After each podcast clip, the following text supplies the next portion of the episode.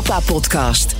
Boa noite, goedemorgen, bonjour, waar u ook bent, wanneer u ook luistert. Welkom bij BNR's Europa Podcast, de podcast van Nederland over Europese zaken. Met blikken naar Brussel en ver daarbuiten. Mijn naam is Stefan de Vries. En in deze aflevering gaan we het een beetje over onszelf hebben. De Nobelprijs voor de Vrede gaat dit jaar naar twee journalisten. En morgen donderdag reikt de Europese Commissie voor het eerst de Daphne Caruana Galizia-prijs uit. Die is genoemd naar de vermoorde journalisten uit Malta. En dat de persvrijheid niet vanzelfsprekend is, dat zien we natuurlijk ook helaas in Nederland. Natuurlijk met de moord op Peter R. de Vries. Maar ook vandaag nog toen Haagse, de Haagse politie twee journalisten aanhield die een demonstratie versloegen. Genoeg aanleiding dus voor ons te vragen hoe het gesteld is met de persvrijheid in Europa. Dat doe ik met mijn twee gasten. Ties Gijzel van het journalistieke platform Are We Europe. En Marike Koekoek, zij is Tweede Kamerlid voor Volt. En verder pakken we ook nog het Brusselse nieuws mee. En we sluiten BNR Europa altijd af met ons eigen Eurovisie Songfestivalletje. En deze week klinkt de nummer 1 hit zo.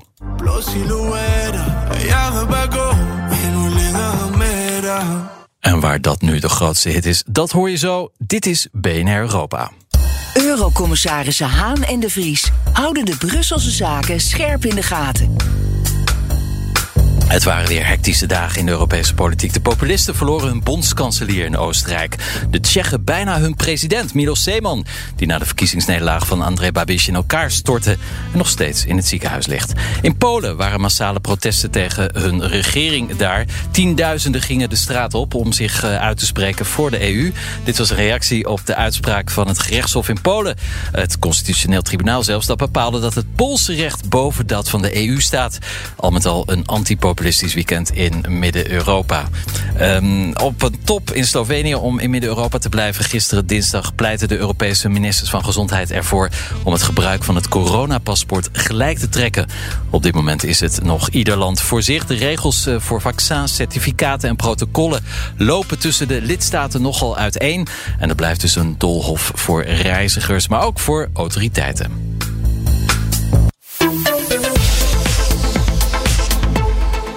Ja, de Nobelprijs voor de Vrede ging afgelopen week naar twee onafhankelijke journalisten. En de Europese Commissie reikt morgen voor het eerst de Daphne Caruana Galizia-prijs voor de journalistiek uit. Dat is een prijs voor uitstekende journalistiek die de waarde van de EU weerspiegelt. Een uh, nogal uh, wollige omschrijving, maar in ieder geval dus meer aandacht voor journalisten. En dat is hoog nodig. De prijs is vernoemd naar de Maltese onderzoeksjournalist die precies vier jaar geleden vermoord werd vanwege haar kritische verslaggeving over corruptie. En we spreken over het belang van de Europese journalistiek met Ties Gijzel. Hij is oprichter van Are We Europe, een platform voor grensoverschrijdende Europese journalistiek. En met Marike Koekoek. Zij is Tweede Kamerlid voor Volt. Welkom allebei hier in de studio in Amsterdam. Even voor deze uitzending sprak ik met Tweede Kamerlid Pieter Omzicht. En voordat hij in Nederland beroemd werd door de toeslagenaffaire, streed hij al lang voor ander onrecht. Hij, hij leidde de Raad van Europa, althans eh, de onderzoekscommissie die uh, onderzoek zocht hoe de omstandigheden nou precies waren rondom de moord op Daphne Caruana Galizia, een van de bekendste eh, journalisten in Malta. Uiteindelijk leidden omzichtsbevindingen tot het vertrek van de premier van Malta. En Pieter Omzicht vertelt ons nog even uh, ja, wat daar precies nou aan de hand was. Daphne Caruana Galizia was een van de centrale figuren bij het ontdekken van de Panama Papers. En um, was bezig met corruptie in de hoogste kringen, dus in de regering zelf van Malta. Dus uh, er was onmiddellijk al een verdenking dat uh, het, was een aanslag op zeg maar, de meest onafhankelijke journalisten van, uh, van Malta. En als je um, in staat bent om journalisten te doden en als dat onbestraft blijft, um, dan weet je één ding zeker, dan heb je een effect dat alle andere journalisten zich buitengewoon onveilig gaan voelen. En dat bepaalde verhalen die echt naar buiten moeten komen, niet meer naar buiten komen. En dat je land dus wegzakt in een moeras van corruptie. Tweede is dat Malta een land is dat binnen de EU zit. En zij waarschuwden voor dingen. Uh, kijk, Malta was toen bezig met de verkoop van paspoorten. Maar als je een paspoort in Malta koopt, dan heb je een Europees paspoort en dan kun je ook naar Nederland. Als je een gokbedrijf in Malta begint, dan kun je dat online opzetten. En dan kun je, ook, ook, kun je dat ook voor Nederland laten gelden. Ja. Dus je kunt denken, ach, Malta is een land ver weg en leuk voor vakantie. Maar um, als je ergens een heel zwakke plek in de Europese Unie hebt zitten en je let daar niet goed op, En dat zakt helemaal weg. Dan heeft de Unie daar rechtstreeks, dan hebben alle landen daar ook nog rechtstreeks last van. U leidde het onderzoek voor de Raad van Europa naar de omstandigheden rondom de moord. Wat was uw belangrijkste conclusie? De belangrijkste conclusie ging over de rechtsstaat in Malta. Dat de rechtsstaat in Malta dat er geen sprake was van macht en tegenmacht. De premier, die feitelijk nog de functie van de oud-gouverneur-generaal had. En tot de jaren 60 was Malta een kolonie van, uh, van Engeland. Uh, die kon eigenlijk iedereen benoemen en ook ontslaan. Of dat dan de politie was of indirect de rechtelijke macht. Um, of alle toezichthouders. Die had een bijna absolute macht en die zat er al een tijdje. Parlement is vrij klein, iets meer dan 60 leden, waarvan er een stuk of 20 een functie in de regering hebben. Nou, eh, ministers die zichzelf controleren, dat gebeurt niet. Dus ook daar komt geen uh, controle op de regering en op het handen van de regering uh, vandaan. En dat ja, Malta dus eigenlijk een hervorming nodig had van zijn instituties om uh, zichzelf te ontdoen van corrupte praktijken. Ja, nu, nu is er dus door de Europese Commissie een prijs ingesteld. Die uh, is uh, vandaag woensdag uitgereikt. Wat, wat voor signaal geeft Europa hiermee af met de, prijs die naar, vernoemd is naar Daphne Galizia? Nou, het signaal dat ze afgegeven is natuurlijk dat um, persvrijheid een, van, van enorm belang is. Op het moment dat journalisten vermoord worden in de Unie, dan betekent dat dat andere journalisten in dat land of in de Unie zichzelf onveilig gaan voelen en uh, dat bepaalde belangrijke verhalen niet meer gebracht gaan worden. En dat corruptie, dat, dat je dus niet meer schrijft over corruptie op het hoogste niveau of, of zware misdaad, maar dat je zeg maar beperkt tot wat kleine onderwerpen. En het signaal wat hij afgegeven is dat we daar eigenlijk zero tolerance voor hebben. Ja. Maar dat, dat vereist overigens nog wel heel veel werk. Want uh, het signaal is er altijd wel. Maar het gaat natuurlijk ook om dat we um, uh, niet alleen bij prijzen laten, maar ook bij acties. En ik moet zeggen dat vooral de Europese Unie en de Europese Commissie um, altijd goede sier maken met hoe ze met Daphne Caruana Galizia omgaan. Maar eigenlijk uh, de regering van Joseph Muscat niet op de vingers stikte om je een voorbeeld te geven uh, Eurocommissaris Timmermans ging vrolijk nog op verkiezingscampagne met Muscat, die daarna moest aftreden.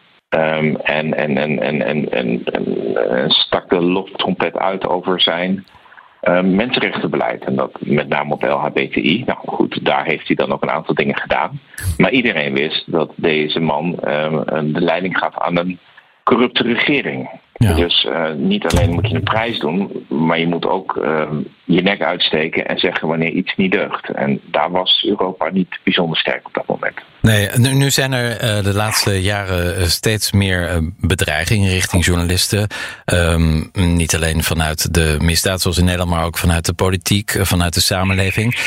doet de Europese Unie volgens u genoeg om journalisten te beschermen en ja, de, samenwerking ook tussen uh, Europese journalisten te bevorderen? Want dat zou misschien ook mee kunnen spelen. Nou, het is natuurlijk niet de kerntaak van de Europese Unie. Uh, het is nog altijd de kerntaak van de lidstaten om voor de veiligheid op de eigen straat te zorgen. En ook voor de veiligheid tegen de uh, georganiseerde misdaad. Um, dus doet de Unie voldoende? Ja, uh, als er hier uh, de, iemand vermoord wordt, denk aan Peter R. de Vries, dan is het niet aan de Unie, maar is het aan Nederland om ervoor te zorgen dat de daders gepakt worden, gestraft worden en dat andere uh, mensen goed beschermd worden. Ehm, doet de Unie voldoende om regimes, regeringen moet ik natuurlijk zeggen, die zichzelf niet netjes gedragen, ehm, daarop aan te spreken? Dan is mijn antwoord gewoon nee. Men heeft Malta gewoon jarenlang zijn gang laten gaan, een relatief klein land en wat dan ook. En, uh, maar ja, um, als Malta corrupt is, dan heeft de hele Unie er last van. Want Malta verkocht gewoon paspoorten naar de Europese Unie. Omdat een Maltese paspoort, ja, dat is net als een Nederlands paspoort. Daarmee kun je in Nederland gaan wonen en werken. We hebben namelijk Unieburgerschap. Als je een bank opricht en die richt je op op Malta, dan sta je onder Maltese toezicht. Maar dan mag je dus ook een, een, een, een filiaal in, in Nederland openen. Als je een gokkantoor op Malta opent, dan kun je dat ook uh, online zaken laten doen in Nederland. En uh, eigenlijk heeft de Europese Unie daar te laks geopereerd dat er daar geen goed toezicht op gehouden werd. Is er iets veranderd sindsdien op Malta? Sinds uw nou ja, onderzoek? De, regering, de, de regering is afgetreden en men is nu uh, pogingen aan het doen om een aantal van de aanbevelingen die door de Raad van Europa gedaan zijn, niet alleen mijn rapport om die te implementeren. Maar ik moet zeggen, dat gaat uh, tergend en uh, tergend langzaam. En ook de rechtszaken over de moord gaan ontzettend langzaam. Uh, net als de corruptieonderzoeken. Dus het gaat wel een heel klein beetje de goede kant op, maar met een slakke gang. Ja.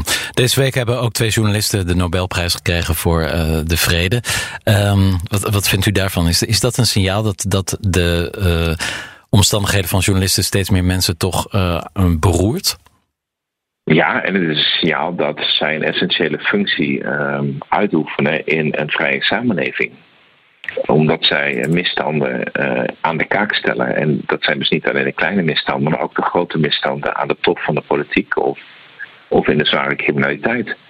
En we zien helaas ook in Nederland dat een aantal journalisten, het is op dit moment zichtbaar bij iemand als John van de Heuvel, dat die zware bescherming nodig heeft om vrij te kunnen schrijven over de dingen waarover die wil schrijven.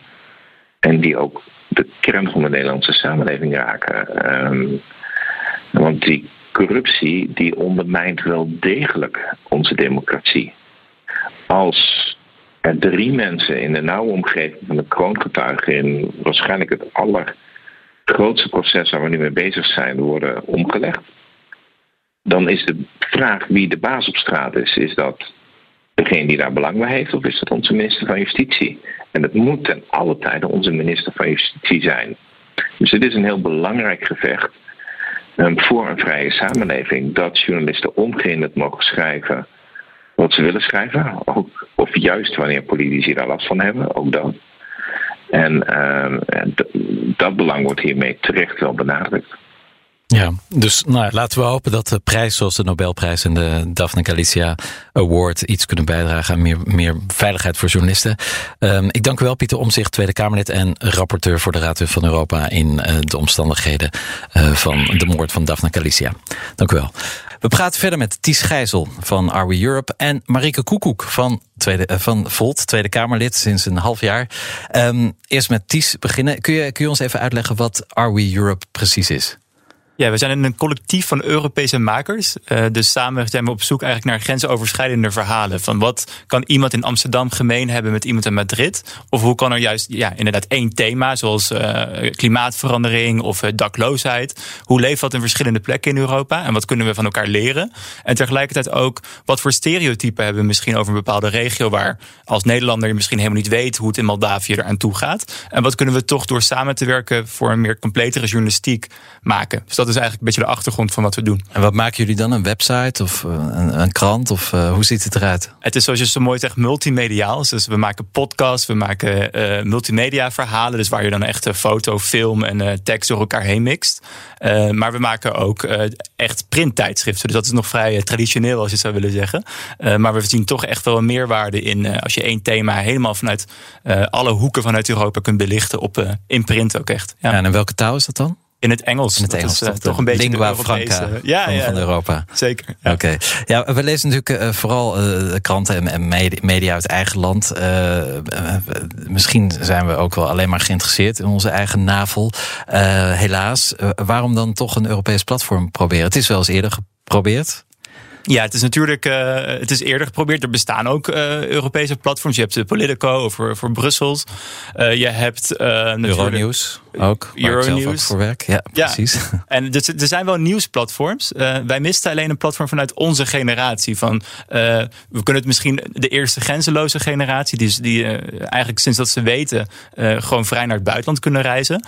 En ook steeds meer internationaal zijn gaan studeren. Dus in mijn, tijdens mijn studie zaten er gewoon een student uit Afrika en allemaal plekken in de wereld zaten in mijn lokaal. Waardoor je dus over ontwikkelingshulp bijvoorbeeld allemaal inzichten kan uitwisselen die je normaal gesproken niet kan uitwisselen. En door dat te ervaren ga je automatisch ook breder denken. En dan ga je kijken hoe kan uh, wat er hier lokaal thuis bij mij gebeurt, waar ligt, heeft dat zijn oorsprong? Want soms heeft dat echt zijn oorsprong buiten de Nederlandse grenzen. Ja, jullie richten je dan op een jongere doelgroep? Ja, op een jongere doelgroep die, die zich daarin herkent. Maar we nodigen iedereen uit om natuurlijk ook mee te praten en mee te denken. Want het is uh, in meer of mindere mate ervaren we dit allemaal zelf. Ja, Marieke Koekoek, ik denk dat jullie met Volt je misschien ook op diezelfde doelgroep richten.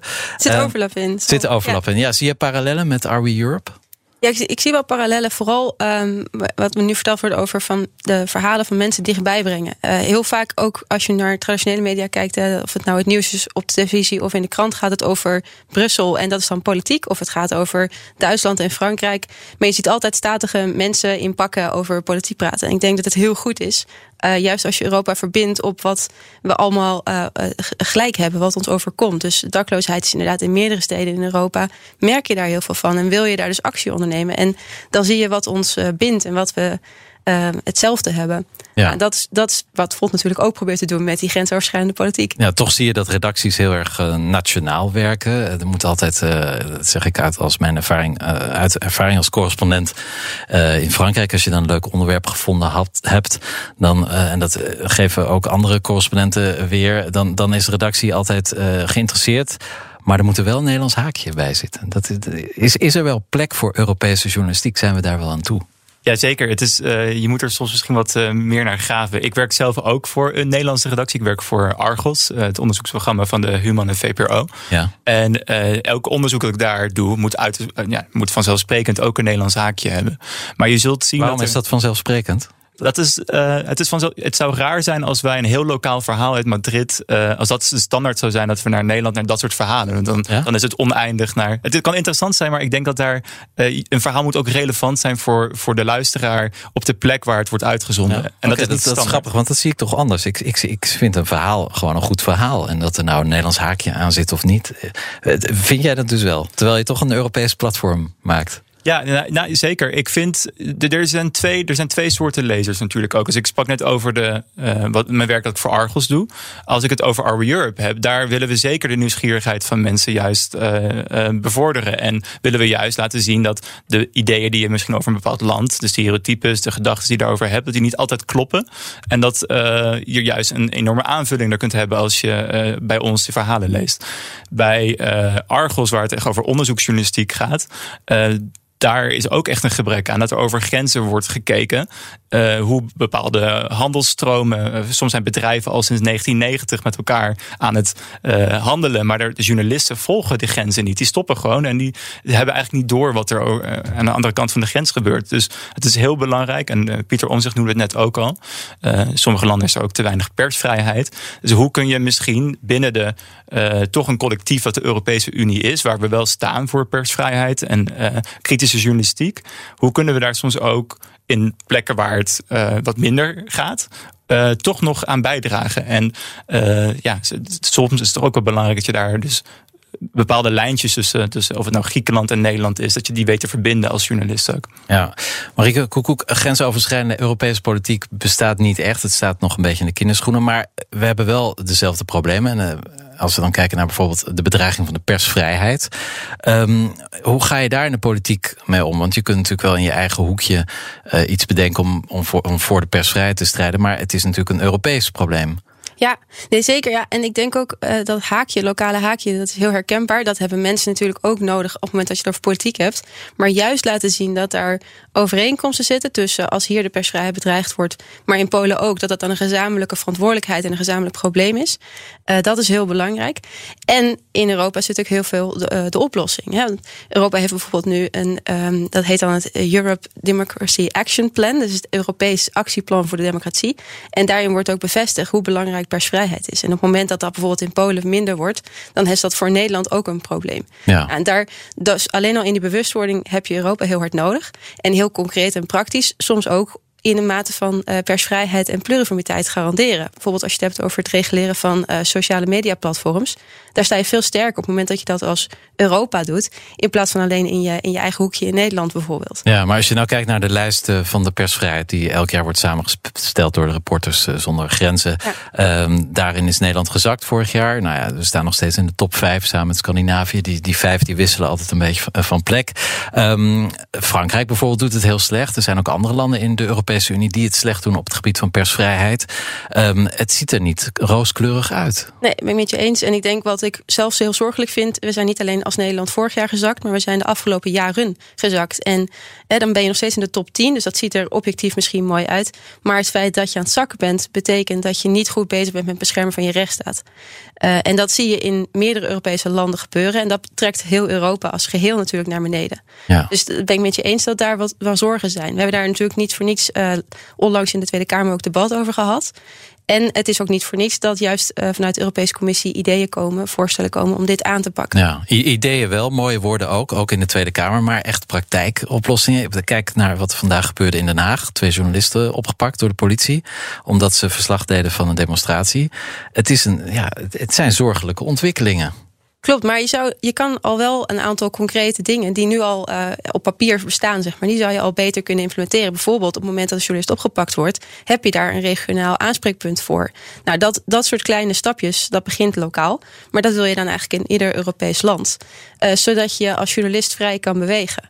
En uh, datzelfde is bijvoorbeeld heel concreet in uh, hoe financier je bepaalde journalistiek. Hè? Dus je ja. hebt uh, in Nederland bijvoorbeeld de, NPO en de fondsen die er bestaan. Die heb je ook op Europees niveau. Maar je wil ook dat journalisten onafhankelijk blijven. Dus de financiële stromen in de gaten houden. Dat is iets heel anders dan een regionaal aanspreekpunt. En tegelijkertijd komt het neer op hetzelfde aan beschermen van persvrijheid. Ja, ja. Um, Ties, via Are We Europe maak je dus een Europees medium. Uh, want het verschilt iedere keer in, in vorm. Um, hoe doe je dat om samen te werken met al die verschillende journalisten uit verschillende landen? Die misschien toch stiekem allemaal hun eigen haakje zoeken. Ja, dat is, dat is heel interessant. Het, is, eh, het gaat over het algemeen heel erg goed. Uh, dat wil ik wel benoemen. Het is, uh, soms, we zijn bijvoorbeeld naar Moldavië gegaan. En daar hebben we een, week lang zijn we daar een design sprint, om het zo te noemen. Geïnspireerd op hoe Google werkt. Maar toen hebben we gedacht, dat kunnen we toepassen op de journalistiek. En zijn we daar een week lang um, van uh, een workshop week hebben we gehouden. En daar hebben de eerste dagen eigenlijk gezegd: wat zijn nou de stereotypen die bestaan over jullie land? Nou, Moldavië is het armste land van Europa, het snelst krimpende bevolking van de wereld. Iedereen wil er weg eigenlijk. Uh, dat is het stereotype. Zo schrijft de New York Times erover. Zo staat het regelmatig. Als het al in de krant komt, staat het zo in de krant. Um, maar we denken, wat krijg je als je de vraag omdraait en eigenlijk aan die mensen vraagt: wat zouden jullie willen vertellen? Dus als ik daar als Nederlands journalist niet kom om mijn verhaal op te halen en misschien mijn eigen stereotypen te bevestigen, maar eigenlijk te faciliteren en samen te werken en samen op zoek te gaan naar, uh, naar de uitdagingen voor de mensen daar. En daar is een heel bijzonder verhaal uitgekomen dat uh, nog niet in de media tevoorschijn was gekomen. Kun je een tipje van de sluier oplichten? Ja, het was het juist. we dachten dat iedereen wegging daar. Uh, maar we waren daar in de gedurende de zomer. En eigenlijk kwamen heel veel mensen die weg waren gegaan, kwamen eigenlijk terug om te protesteren voor de toekomst van hun land. En uh, Moldavië is een land, uh, ik wist ook niet waar het lag, het ligt ergens ver in Oost-Europa, bijna tegen Rusland aan.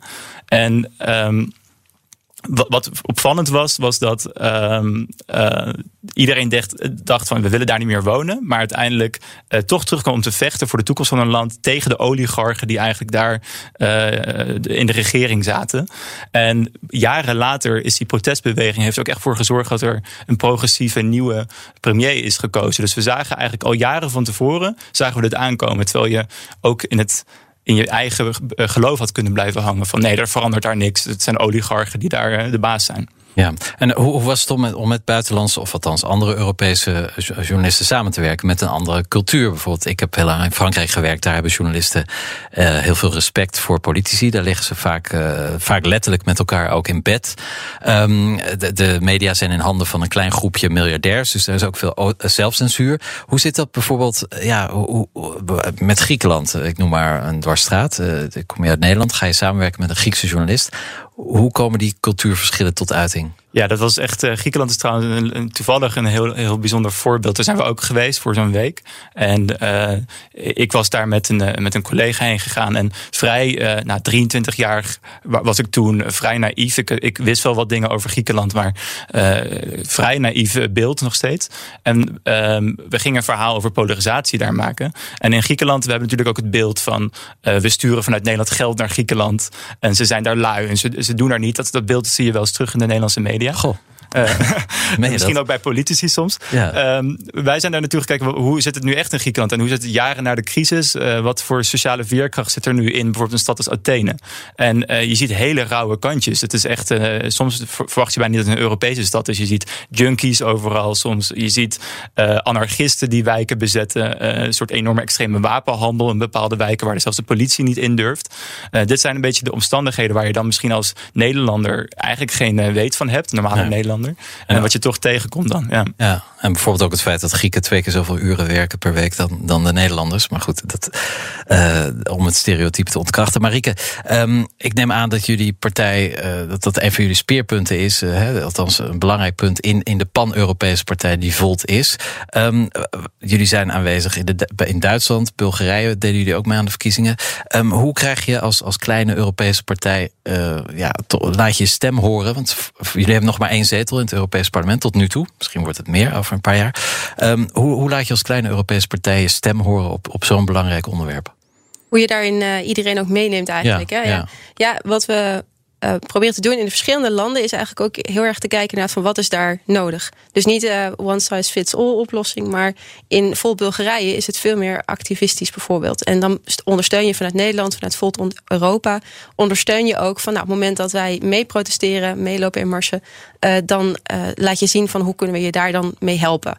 En je kan met sociale media bijvoorbeeld heel veel. Hè? Dus je kan vanuit Volt Europa en Volt Nederland echt laten weten van we staan daarachter, we steunen dat. En dan voelen mensen zich al minder geïsoleerd, maar ook gewoon praktisch van nou ben je veilig en hoe kunnen we je daarin helpen?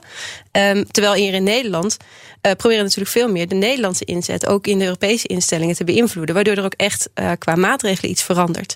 Dus we hebben bijvoorbeeld gepleit voor toen, uh, voor, toen over Belarus hebben we toen gepleit voor noodvisa voor journalisten, zodat die het land uit konden. Is dat gelukt? Dat is gelukt. Ja. ja. Dus dat zijn, althans, dat, zijn, dat, dat is een maatregel die we nu uh, kunnen nemen. Dus, dus journalisten uit Wit-Rusland die zijn hier naartoe gekomen? Nee, ze zijn niet naar Nederland gekomen. Maar, het is wel vanuit, precies, dus vanuit de Nederlandse inzet hebben we dat meegegeven van daar moeten we als Europa op inzetten, zodat mensen ook echt een plek hebben om naartoe te gaan, te vluchten. Ja. Maar dat, dat heeft Nederland dan gedaan? Of, of is dat op Europees niveau? Dat is op Europees niveau gedaan. Maar we hebben okay. daar vanuit bijvoorbeeld Nederland hebben we uh, motie over ingediend. Okay. Uh, om dat noodvisa's ook echt daadwerkelijk te krijgen. Dus gewoon de uh, concrete actie kunnen ondernemen. Ja. En wat we ook vanuit Nederland proberen te doen, is de, de inzet vanuit de Raad, hè, dus de Raad van Europa, dat je daarmee ook aangeeft van dit vinden we onacceptabel, dit schendt de rechtsstaat. En dat je daarmee landen als Bulgarije, Polen aanspreekt. Dus veel meer ook in het politieke je mengt. Ja, maar ja, aanspreken is, is natuurlijk prima. Maar als je kijkt naar Tsjechië of naar Hongarije, daar, daar zijn de banden tussen media en ook Polen trouwens, media en politiek heel uh, innig, uh, om het maar te zeggen. Er zijn ook andere, andere landen, zoals Frankrijk, waar die ook innig is. De band tussen zakenleven en, en de media en dus de politiek. Um, ja, kun je daar iets van zeggen? Eigenlijk niet, toch? Want dan zeggen ze, ja, ach, we, doen wat we doen. Uh, dit, dit zijn onze manieren, of niet? Nee, daar kan, je, daar kan je denk ik zeker wel wat van zeggen. Uh, omdat je, ja, je kunt je manieren hebben. Maar het ondermijnt de rechtsstaat. En daarom is denk ik zo belangrijk dat ook Europa dat erkend heeft. Van de pluriformiteit van de media. Persvrijheid van journalisten. De veiligheid van journalisten. Dat zien we allemaal als onderdeel van een gezonde rechtsstaat. Ja. en daar kunnen we ook heel veel leren van bijvoorbeeld Scandinavische landen. Want die hebben, maken gebruik van een integrale aanpak. Waardoor bijvoorbeeld intimidatie van journalisten ook structureel wordt opgepakt. Nou, en op het moment dat je vanuit een rechtsstaat gaat beredeneren. Dan kun je dus ook bijvoorbeeld in Frankrijk aangeven luister, we snappen de culturele manieren waarschijnlijk, hè, zoals je het altijd al doet. Dat argument snappen we. Tegelijkertijd, je ondermijnt ermee de basis van je rechtsstaat. En dat doe je niet alleen voor Frankrijk, maar voor Europa. Nou, dat heeft wel een zeker gewicht. Um, we hadden het net al over grensoverschrijdende journalistiek in Europa, noodvisa uh, voor journalisten uh, in uit Wit-Rusland. Um, jullie hebben ook iets gedaan, Volt, uh, wat meer, Marike met Volt, wat meer ja, eigenlijk gaat over de politiek zelf. Jullie hebben een motie ingediend voor een EU-monitor.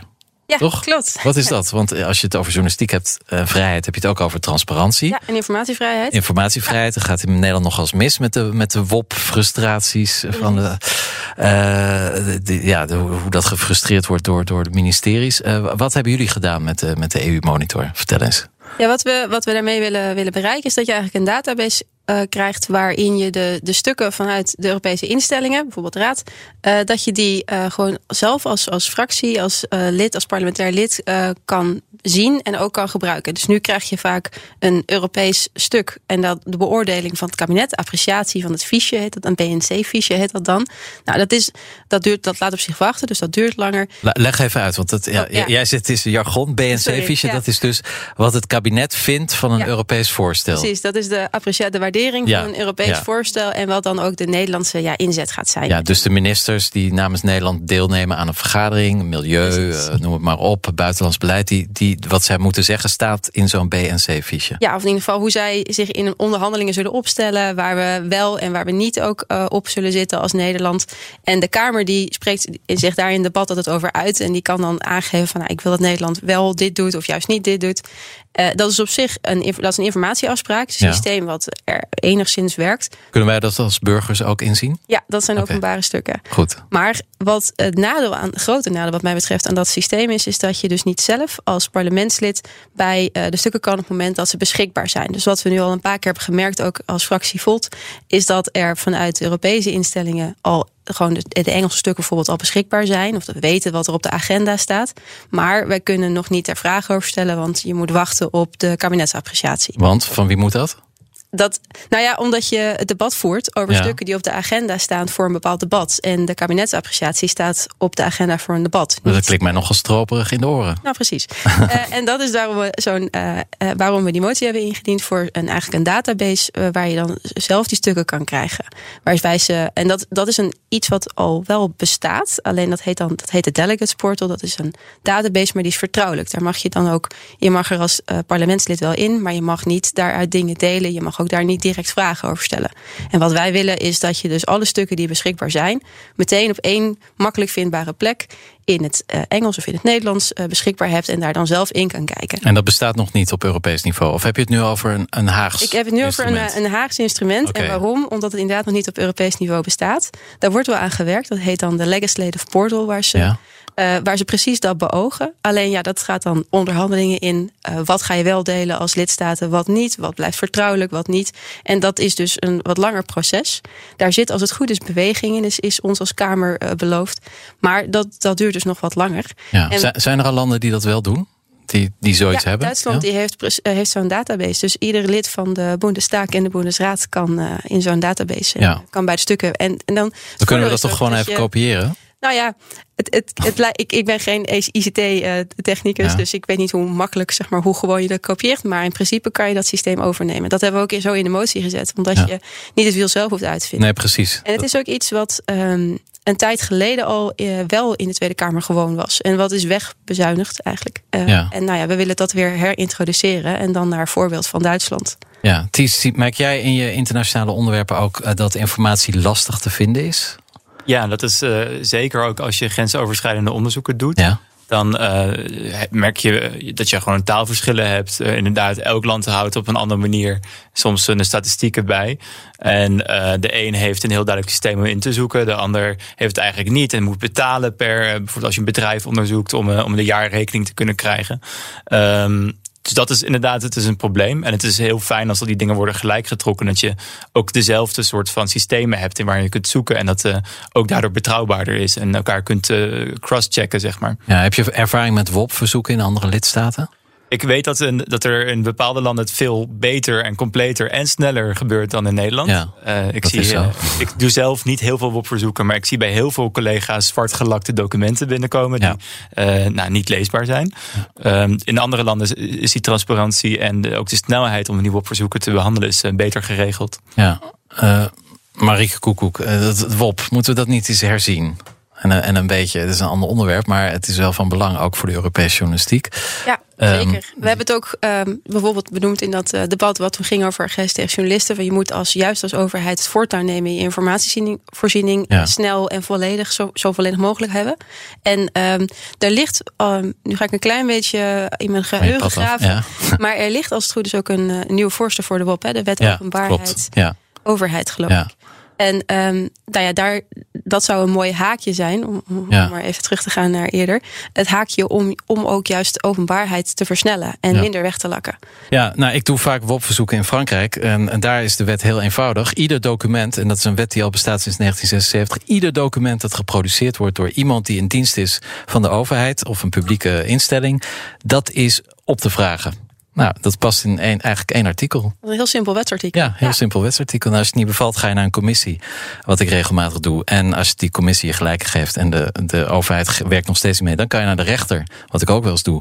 En als je dan, uh, dan krijg je meestal wel gelijk. Maar het is een hele simpele wet eigenlijk. Waar, waarom kunnen we daar niet uh, ons door laten inspireren? Europees. Dus uh, ik, vind het wel, ik vind het wel een goed idee. Ik denk dat je, maar dat heeft Frankrijk ongetwijfeld ook, dat je rekening moet houden met privacy van de. Ja, natuurlijk. Het is wel, dat, dat wordt wel in de gaten gehouden. En bijvoorbeeld als het eh, gaat om de staatsveiligheid, dan, dan zijn natuurlijk, er zijn uitzonderingen.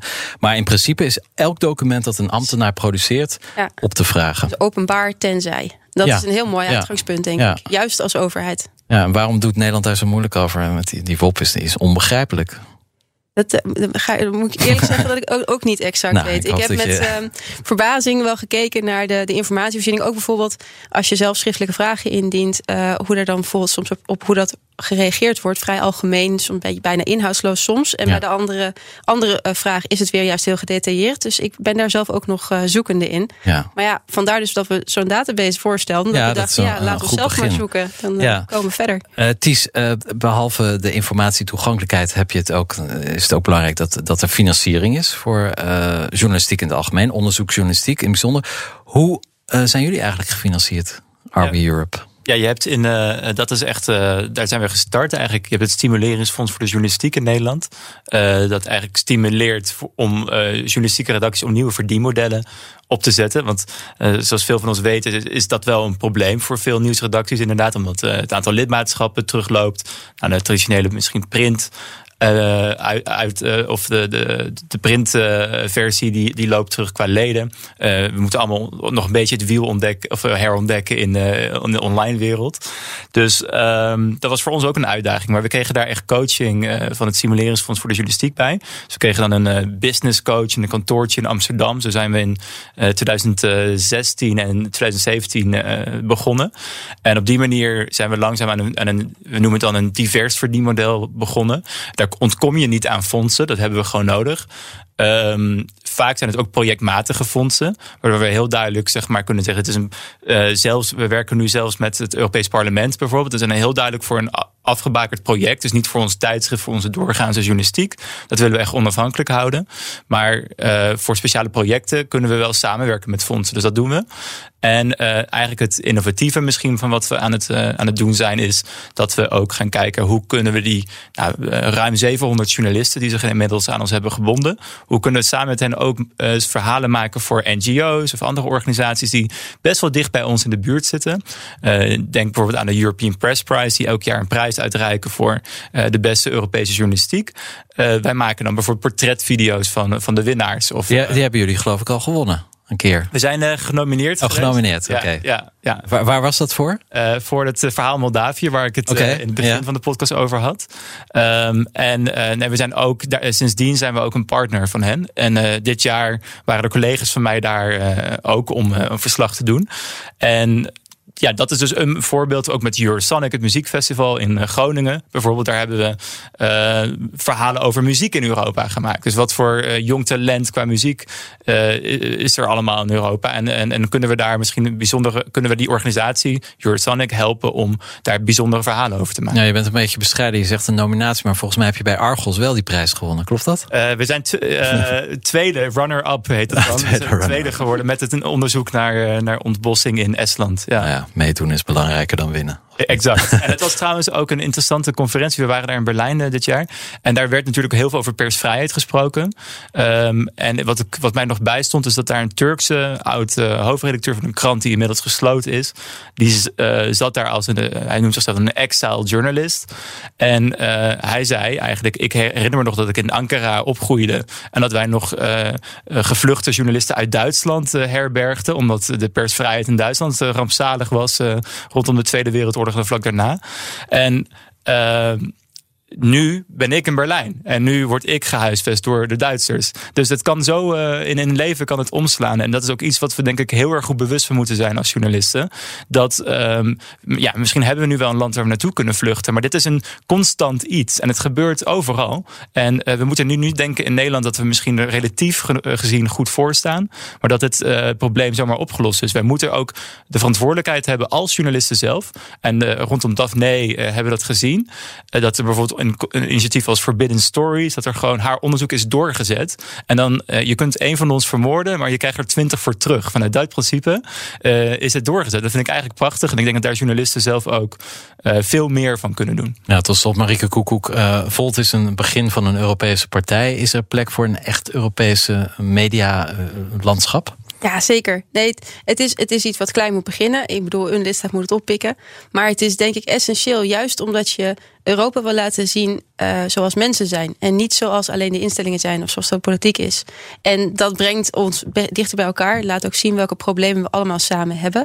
En ik denk dat het ook vaak mensen activistischer kan maken. Het, het laat problemen zien, waardoor je zelf ook geïnspireerd kan raken. En kan zeggen, hé, hey, maar dat wil ik ook aanpakken. Of ik ga uh, bijvoorbeeld iemand in Griekenland uh, steunen. Of het maakt je ook bewuster dat we met z'n allen op één continent grensoverschrijdende problemen hebben. Want het probleem van verkleinde persvrijheid, dat is niet iets alleen van een bepaald land. En dat kan inderdaad zo overslaan ook naar Nederland. En daarom heb je ook zo'n Europese media echt nodig. Ja, Ties, tot slot, uh, waar kunnen mensen jullie vinden? Op uh, www.ouryear.com. Uh, niet EU. Helaas, niet EU. Goed. En daar kunnen mensen lid worden. Wat, wat kost dat? Uh, kost dat geintje? Oh, dat, dat, dat moet, ik, moet ik even na. Dat heb ik niet zo paraat trouwens. Okay, nou, het, het, het, is een mooi initiatief. Vooral kijken. Ik heb al een paar van jullie uitgaven gezien. dus uh, Een platform voor grensoverschrijdende Europese journalistiek. Dankjewel, Ties Gijzel. En Marike Koekoek, Tweede Kamerlid voor Volt.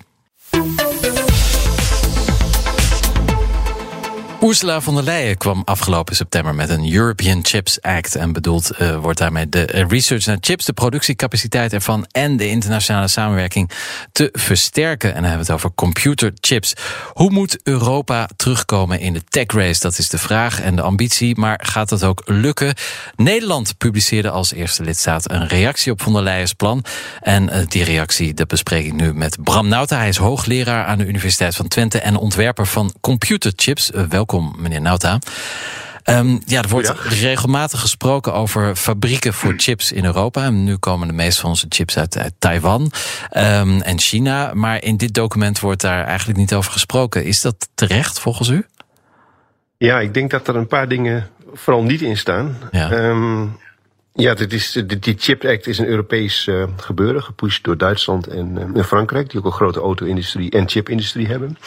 En uh, nou, op zich is dat best een goed plan. En het doel daar is dat er een, ja, een zogenaamde 2 nanometer fabriek, dat is een hele moderne chipfabriek, de meest geavanceerde, zeg maar, dat die uiteindelijk ook in Europa moet komen. Dat zijn hele kleine chips dan, hè? althans kleine Ja, he, he, hele kleine onderdeeltjes. Dat is zeg maar de, de, de laatste stand van de techniek. En ja, die hebben we hier gewoon niet.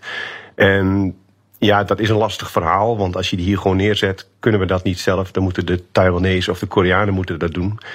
En, en, dan zouden we vooral gaan produceren voor de Amerikanen. Dus het is een beetje een raar verhaal dat wij iets gaan bouwen hier om te kunnen produceren voor de Amerikanen. Dan kun je het net zo goed Amerika neerzetten. Ja. Dus wat we eigenlijk moeten hebben is een soort eerst chipontwerpindustrie die ze ook ontwerpt. Dus, dus, zoals de Apples en de Qualcomms en de Broadcoms en de Intels. Zo'n type industrie zouden we hier eerst moeten opbouwen. En dan kun je daarna gaan nadenken over, over ze ook zelf maken. En ja, in die reactie van Nederland ontbreekt dat compleet, die hele visie richting die 2 nanometer chip uh, fabriek. Dus er staat eigenlijk geen, geen woord over in. Er wordt een beetje ja, gepapt en genathoud rondom NXP. Die doen autochips, iets oudere technologie, maar wel heel knap en vooral heel erg robuust en sterk.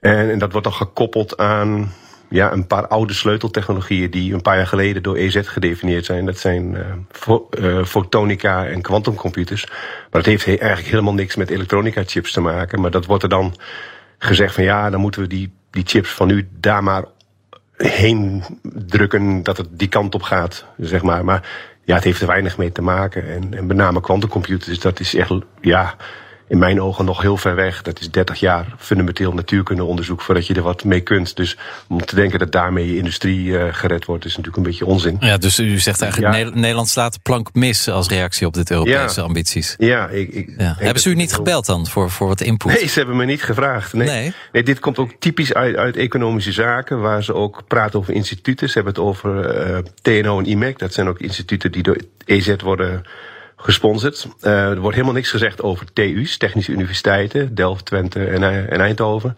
Want daar moeten de mensen opgeleid worden uh, die dat dan gaan doen, zeg maar. Dus er geen woord daarover.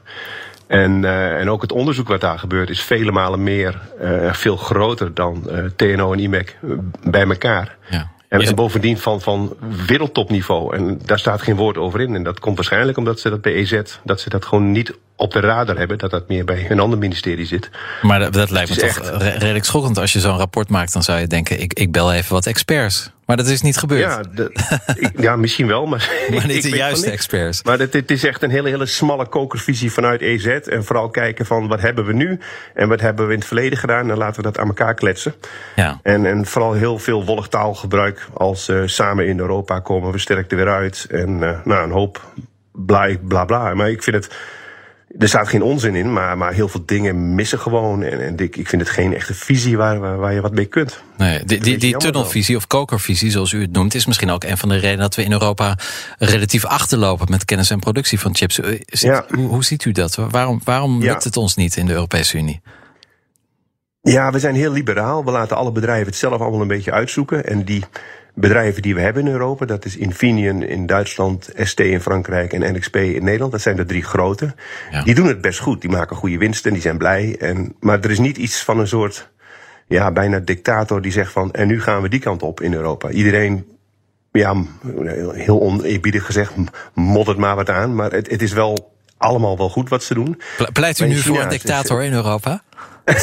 nee, nee, nee. Dat, dat, niet. Nee, maar iemand, iemand, als Trump of, of, of de Chinese leider, dat, dat zijn wel ja, ander type leiders die gewoon zeggen: ik wil dit en dan gaan we dat gewoon doen. Boom, klap. Ja. En, en China die pompt er echt vele miljarden per jaar in. Echt, ja, honderd keer meer dan, dan wij in Europa. Ik denk, ja, dan gebeurt het wel.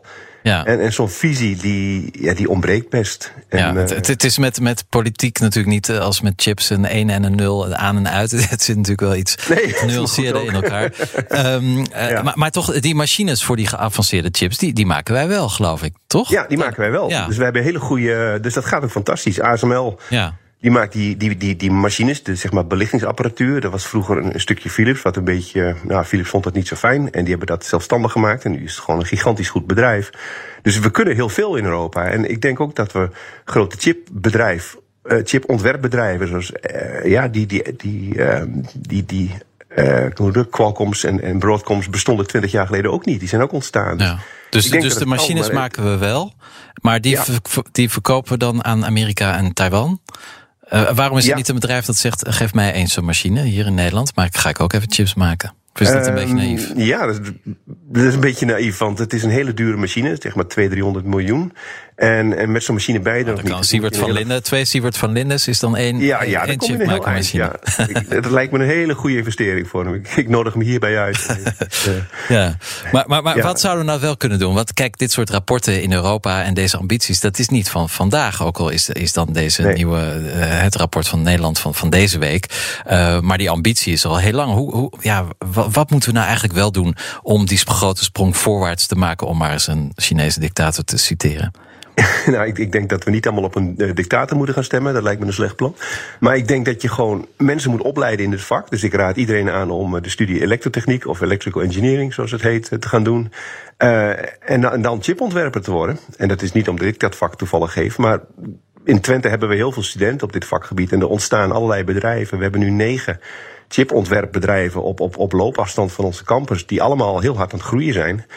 En, en ja, dat is in potentie zijn dat weer bedrijven die nog groter kunnen worden of kunnen leveren aan grotere bedrijven. Dus er is gewoon een industrie aan het ontstaan uh, rondom een, een, universiteit hier. En dat, dat kan groter worden, zoals het in Amerika ook allemaal begonnen rondom Stanford en zo met Silicon Valley. Ja, dan dus heeft u het over de Universiteit van Twente. Zijn er ook netwerken tussen Europese uh, gelijk, gelijksoortige universiteiten op, ja. op dit gebied? Ja, Dus daar werkt u wel samen. Ja, u werkt wel samen. Ja, we, daar werken we goed samen. We leiden mensen op. Want je moet ja, je moet beginnen met hoog op, ja, goed opgeleide mensen. Die gaan het doen. Als je zegt, we gaan een blik Chinezen hierheen halen en doe het voor ons. Ja, dan zeggen die Chinezen na een tijdje van, nou, we gaan weer naar huis hoor, doei. En dan heb je niks. Dus je moet het zelf kunnen. En je moet die mensen opleiden. En dan ontstaan die bedrijven wel. En, eh, of die moet ze laten ontstaan. En dan, ja, dan ben je wel 10, 20 jaar verder voordat je dat allemaal hebt. Inclusief de, die fabriek die we graag willen hebben. Maar ja, ik denk ook dat het een 10, 20 jaar plan is om, om het voor elkaar te krijgen. Ja, dus- de illusie om te denken dat je het snel even neerzet. Dus aan de opleidingskant zit het wel goed in Europa. Maar nu nog even de, de overheden die, eh, die misschien mensen zoals u even bellen als ze een rapport schrijven. Ik, ja, ze mogen me heel graag bellen met een telefoon vol met chips. Ja. Goed, nou, eh, dat is Ja. mooi. Eh, het is in ieder geval nog een lange weg te gaan, vrees ik, tot we echt een Europese chip hebben. Ik dank u wel, Bram Nauta, hoogleraar aan de Universiteit van Twente en ontwerper van computerchips.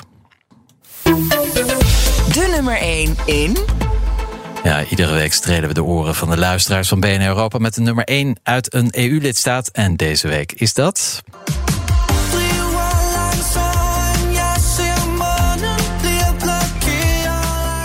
Is het nummer Stormant en dat betekent eh, sterke man van Tobias Rahim, een Deens-Koerdische rapper.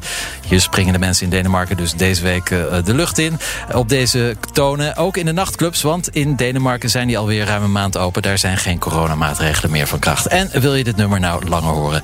Dat kan in onze playlist op Spotify, waar we alle muziek uit BNR Europa inzetten. Eh, even zoeken op BNR Europa nummer 1 en de link staat ook in de show notes. Je luistert naar de Europa-podcast, eh, maar we zijn ook een FM-programma elke woensdag live om 7 uur 's avonds op BNR. En dan natuurlijk op alle bekende podcastplatforms en ook op bnr.nl. Voor nu, dank voor het luisteren. Volgende week zijn we er weer. En dan met een nieuwe aflevering van de BNR Europa-podcast... met mijn gewaardeerde collega Eurocommissaris Geert-Jan Haan. Die is dan weer terug van vakantie. Hij is er dan ook weer bij. Tot dan, à la prochaine.